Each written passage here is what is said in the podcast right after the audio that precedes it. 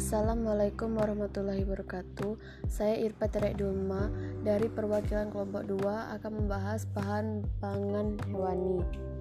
Pengertian. Secara garis besar Bahan pangan dapat dikelompokkan menjadi dua yaitu Bahan pangan asal tumbuhan atau nabati Dan bahan pangan asal hewan atau hewani Bahan pangan nabati adalah bahan-bahan makanan berasal dari tanaman atau bahan makanan yang diolah dari bahan dasar dari tanaman. Bahan pangan hewani merupakan bahan-bahan makanan yang berasal dari hewan atau olahan yang bahan dasarnya dari hasil hewan. Karakteristik bahan pangan hewani Bahan pangan hewani memiliki daya simpan yang jauh lebih pendek daripada bahan pangan nabati bila dalam keadaan segar. Pendeknya daya simpan ini terkait dengan struktur jaringan hasil hewani, di mana bahan pangan hewani tidak memiliki jaringan pelindung yang kuat dan kokoh sebagaimana pada hasil tanaman. Bahan pangan hewani bersifat lunak dan lembek sehingga mudah terpenetrasi oleh faktor tekanan dari luar. Karakteristik masing-masing bahan pangan hewani sangat spesifik, sehingga tidak bisa digeneralisasi. Bahan pangan hewani pada umumnya merupakan sumber protein dan lemak dan bahan pangan nabati merupakan sumber karbohidrat, vitamin, mineral, lemak, dan protein.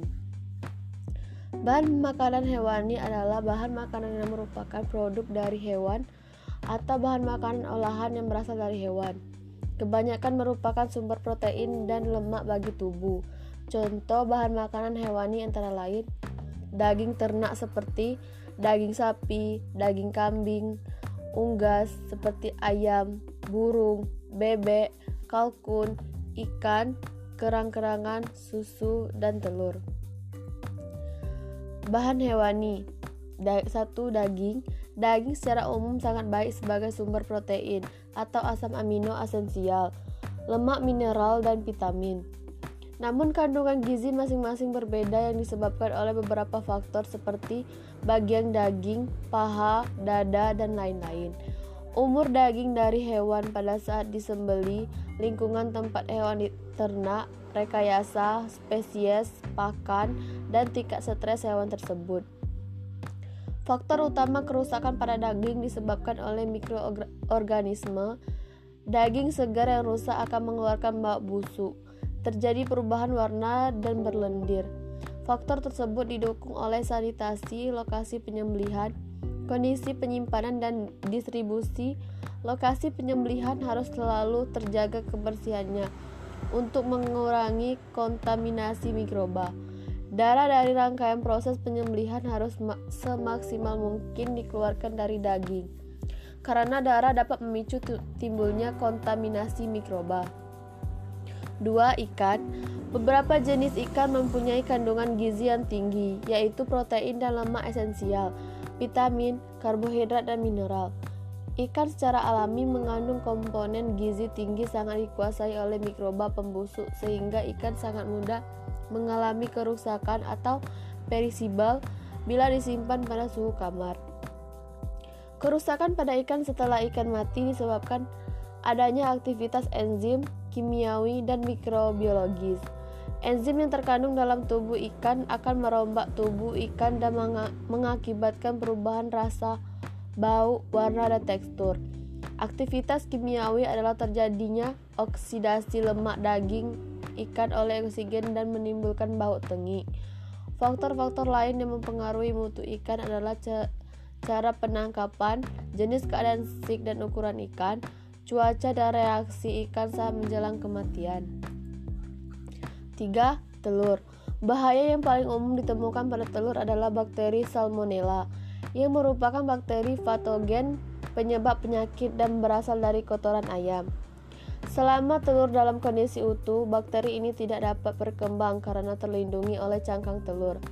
Akan tetapi, jika terjadi kerusakan sik, yaitu rusak atau terpecah cangkang telur, maka salmonella akan mudah masuk ke dalam putih telur. Tetapi nutrisi pada putih telur telur tidak cukup untuk mencukupi kebutuhan perkembangan bakteri.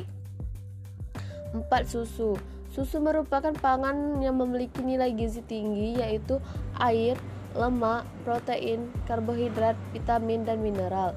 Dalam pola menu makan 4 sehat 5 sempurna, susu adalah faktor kelima sebagai penyempurna. Susu mengandung vitamin A, D, E, K, C, riboapin atau B2, tiamin atau B1, niacin, asam pantotenat, piridoksin atau B6, biotin, inositol, choline, dan asam folat. Kom komponen utama susu terdiri atas dua lapisan yang dapat dipisahkan berdasarkan berat jenisnya. Komponen tersebut adalah krim dan skim. Krim adalah bagian atas susu. Sebagian besar bahan yang terdapat di dalam krim adalah lemak. Skim adalah bagian yang terdapat di bagian bawah krim. Komponen utama skim terdiri atas air dan protein. Krim dapat diolah menjadi mentega, sedangkan skim digunakan untuk olahan susu lainnya. Susu adalah bahan yang mudah sekali rusak, terutama karena adanya enzim secara normal terdapat dalam susu, dan juga karena mikroba yang terdapat di dalamnya. Kedua jenis bahan pangan ini, nabati dan hewani, sangat dibutuhkan oleh tubuh manusia dalam jumlah yang seimbang. Makin beragam jenis makanan yang kita konsumsi akan makin baik. Sekian dari saya. Terima kasih. Wassalamualaikum warahmatullahi wabarakatuh.